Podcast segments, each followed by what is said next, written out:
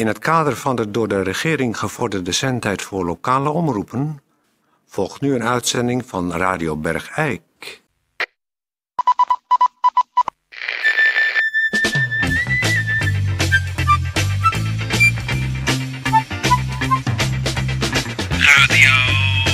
Radio Bergijk. Radio Bergijk. Het radiostation voor Bergijk. Radio Uw gastheer, Toon Sporenberg. Toon Sporenberg. Ja, dames en heren, eh, hartelijk welkom Radio Bergijk. We hebben het weekend weer eh, achter de kiezen, letterlijk. Het, eh, het zit er weer in, zal ik maar zeggen. We gaan ons weer even een paar dagen een beetje inhouden om eh, radio te kunnen maken. Maar dan gloort aan het eind van de week natuurlijk alweer de vrijdag waarop we weten dat we zonder enige rem eh, kunnen gaan klokken en schenken en eh, gieten en alles eh, wat er maar bij komt kijken. Maar we gaan nu beginnen met de, de uitzending van vandaag in eerste instantie. En omdat het maandag is, beginnen we met sportnieuws. Sportnieuws. Het nieuws over sport. Goed, eh, nou, eh, dit is Peer van Eersel met eh, in het kader van sportnieuws, maar een beetje eh, in een speciale aflevering ervan, Toon. Want Oh, vertel, vertel. ja, de boog kan niet altijd gespannen zijn, ook bij Radio Bergijk niet. Ik ga eindelijk eens een verzoek inlossen. Heel veel mensen uit Bergijk hebben mij gebeld als sportverslaggever van, eh, ja, we horen altijd maar over die legendarische voetbalhumor. Ja, ja, ja, ja. Jij komt altijd bij die wedstrijden, jij zit altijd verslag te doen en dat doe je altijd serieus en heel gedegen en vol vuur. En dat doe je geweldig, je bent eigenlijk de beste die we kennen, Peer van Eersel. Ja, Je- nou ja, Je doet ja. het heel goed. Ja, maar wat was- zitten altijd met onze oren aan de radio gekluisterd. Ja, maar wat was nou het verzoek? ja, nee, oh ja. Nee, het, verzoek was, kom nou eens met staaltjes. Jij komt vaak in die kleedkamers met echte voetbalhumor. Ja. Want we horen allemaal dat die zo geweldig geestig is. Ja, dat moet En dat daar, mensen allemaal, dat er dolle pret is en dat er dingen in de beslotenheid van de kleedkamer uitgehaald worden. Nou goed, ik heb eh, een beetje rondgebeld, in, eh, eigenlijk ook buiten de regio. Oh, En ik heb een aantal staaltjes voetbal, eh, ja, ja, nou ja, heb ik een beetje op de, de schrift ges- gesteld. En ik ga ik nu eh, een paar wat van eh, wereldkundig maken. Ja. Nou, er zitten echt. wacht even. We gaan even een jingle eh, de jingle voor maken. De- Voetbalhumor. Humor uit het voetbal. Ja, goed. Dus ik, ik begin met de eerste. Die speelt bij Top Os. Ja. Eh, en waar eh, op een gegeven moment scheidsrechter Hoebe, ook een Brabander, eh, op de fiets naar het stadion kwam. En die had wel zin, zegt de anekdote, in een flinke pot thuisfluiten. En daar speelde toen Groningen. En de Groninger Joop Gal, die kon het niet langer aanzien, dat thuisfluiten. En schoot Hoebe aan. En bloedserieus vroeg hij... Ja, ga door, ga door. door. hey, Hoebe, hoe is het met je hond? Waarop Hoebe zeer verbaasd keek en zei... Ja, ik heb helemaal geen hond. Waarop Joop Gal verklaarde daarop dat iemand die hartstikke blind is... toch niet zonder blinde geleidehond kan.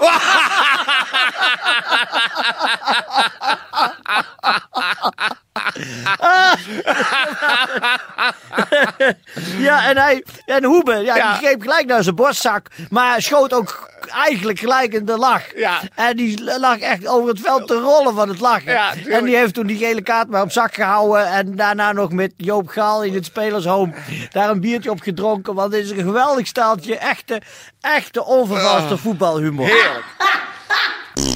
En eh, eh, daar heb ik er dan een- nog een van. Ja. Die, die, die speelt eigenlijk in, eh, in Enschede. Oh. Dat is heel ver weg. Ja. Dat is heel ver weg, maar dat is wel een heel goed staaltje. Dat halverwege de jaren 80 had FC Twente al daar André Pauws in de gelederen.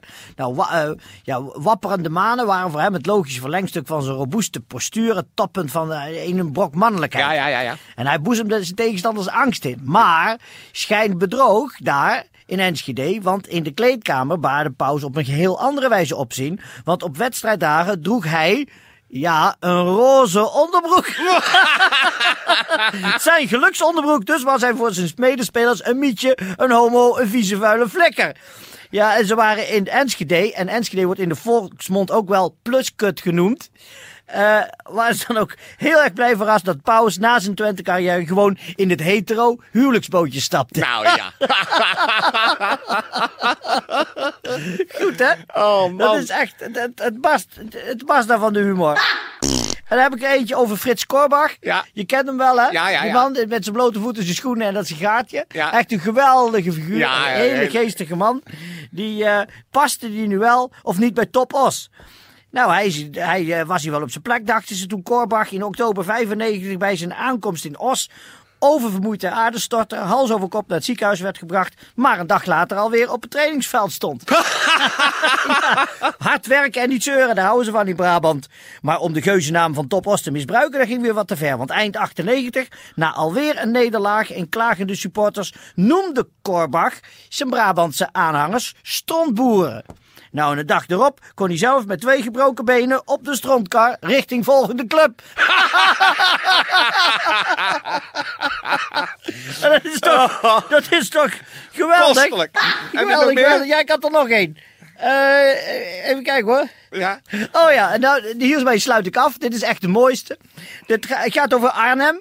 En over, eh, en dat is echt een heel speciale trainer geweest, Bert Jacobs. Ja. Eind jaren 80 sloeg Vitesse een keer haar trainingskamp op in de binnenlanden van Hongarije. Ja. Nou, daar is helemaal niks te beleven. Maar na een zware dag trainingsarbeid glipten de, de jongens toch stiekem uit hun kamers op zoek naar een beetje vertier. En tot vele verbazing werd in een steeg nog een uitspanning gevonden. Exotische drankjes plus halfnaakte danseressen. En nog veel groter was hun verbazing toen later op de avond plotseling klonk We have a special guest from Holland. En tevoorschijn kwam trainer Bert Jacobs op hoge hakken in jarretels en voorzien van een flinke BH met sinaasappels als vulling.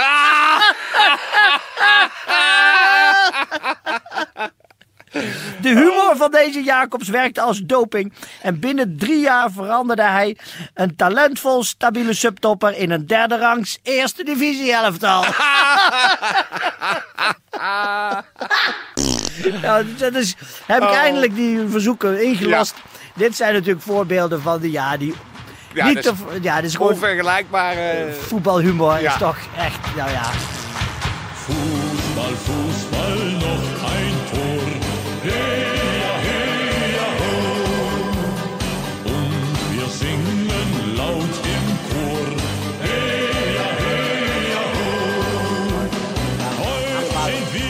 die Verloren. Superstars. Gegen Pfeffer. Pfeffer macht einen Gefang. Kopfball. Abgewehrt auf den Hintergrund des Paradschießen. Schießt. Tor! Tor! Tor! Tor! Tor für Deutschland! Schuss, aber nein! Kein Tor! Kein Tor! Kein Tor! Abseits! Aus! Aus! Aus! Aus! Das Spiel ist aus!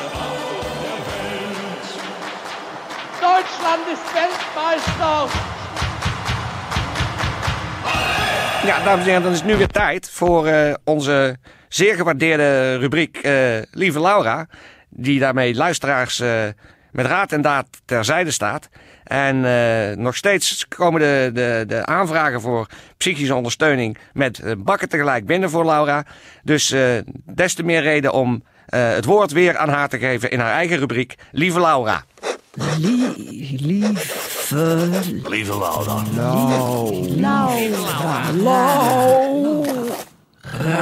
De brievenrubriek van Radio Bergijk.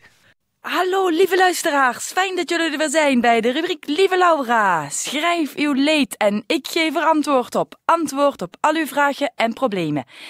Fijn dat u er allemaal weer bent, want er liggen weer een hele hoop prachtige brieven voor mijn neus. De eerste brief is van, eens even kijken, daar staat, Gonneke, Gonneke Daris, Gonneke Daris schrijft mij de hartverscheurende brief. Het volgende. Lieve Laura, ik heb er een groot probleem mee dat mijn vriendin veel knapper is dan ik. Altijd als we uitgaan, dan kijken de jongens naar haar en niet naar mij. Iedereen om me heen zegt dat dit niet erg is, want dat, dat het wel over zou gaan. Maar ik weet wel beter. Eens een lelijk eentje, altijd een lelijk eentje. Heb je een advies? Ik heb een advies voor jou, lieve meid. Er is niks aan te doen. Hoe je eruit ziet, zie je eruit. Dat is al erg genoeg. Het is verschrikkelijk als je lelijk bent. Je kan, je, je kan er niks aan doen. Ja, je kan wel naar een plastische chirurg gaan, maar die kosten heel veel geld.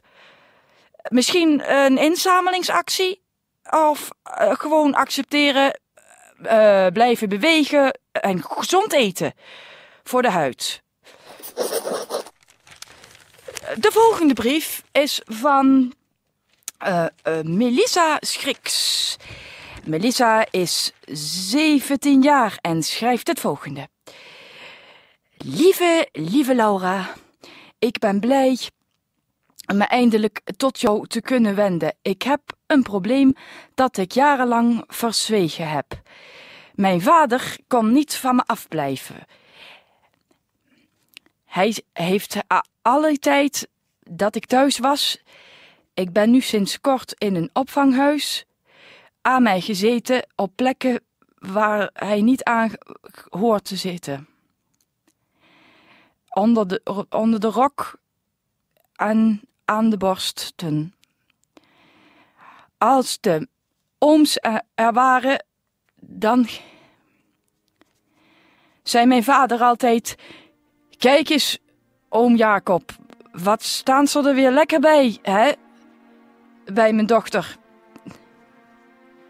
En dan mochten zij ook daar, daaraan met hun handen zitten.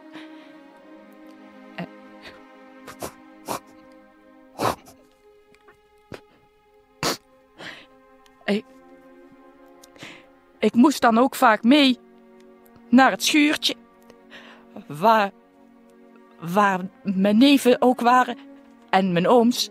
En mijn vader zei dan, ga liggen. Dan komt papa bovenop je liggen. Eh, En je mag niks zeggen. Gewoon rustig blijven liggen en alles over je heen laten komen.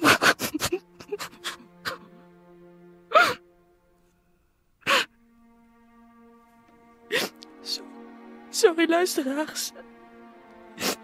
Ik weet niet zo goed hoe dat.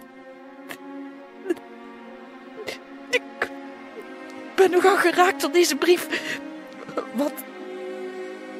Ik, ik, ik heb. één advies voor. Wie? Hoe heet je? Melissa? Melissa. Gewoon accepteren. Over je heen laten komen. Gewoon blijven liggen en je mond dicht houden. Want eh, ik, ik blijven smeren, blijven eten en goed wassen met de goede sh- shampoo en de goede wasmiddelen. Dat het goed blijft ruiken. En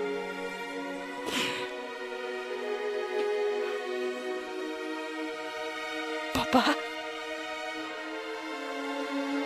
Papa. Ik weet dat jij nou zit te luisteren naar de radio. Want je luistert elke week. Papa.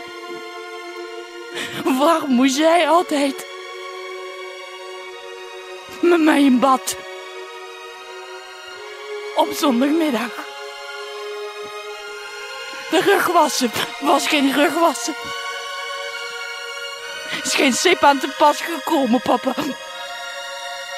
Lager, zei je dan. Lager. En dan pakte hij mijn hoofd vast. Waarom mocht ik daar niet over praten? Mijn mama en mijn zusjes en mijn tante Dora. Waarom kreeg ik geen takken? Papa. Door jou komt nooit meer goed.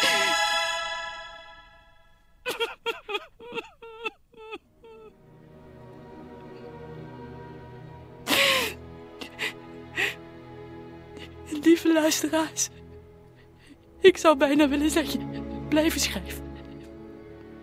Blijven schrijven, blijven smeren, blijven lachen. Tot de volgende keer.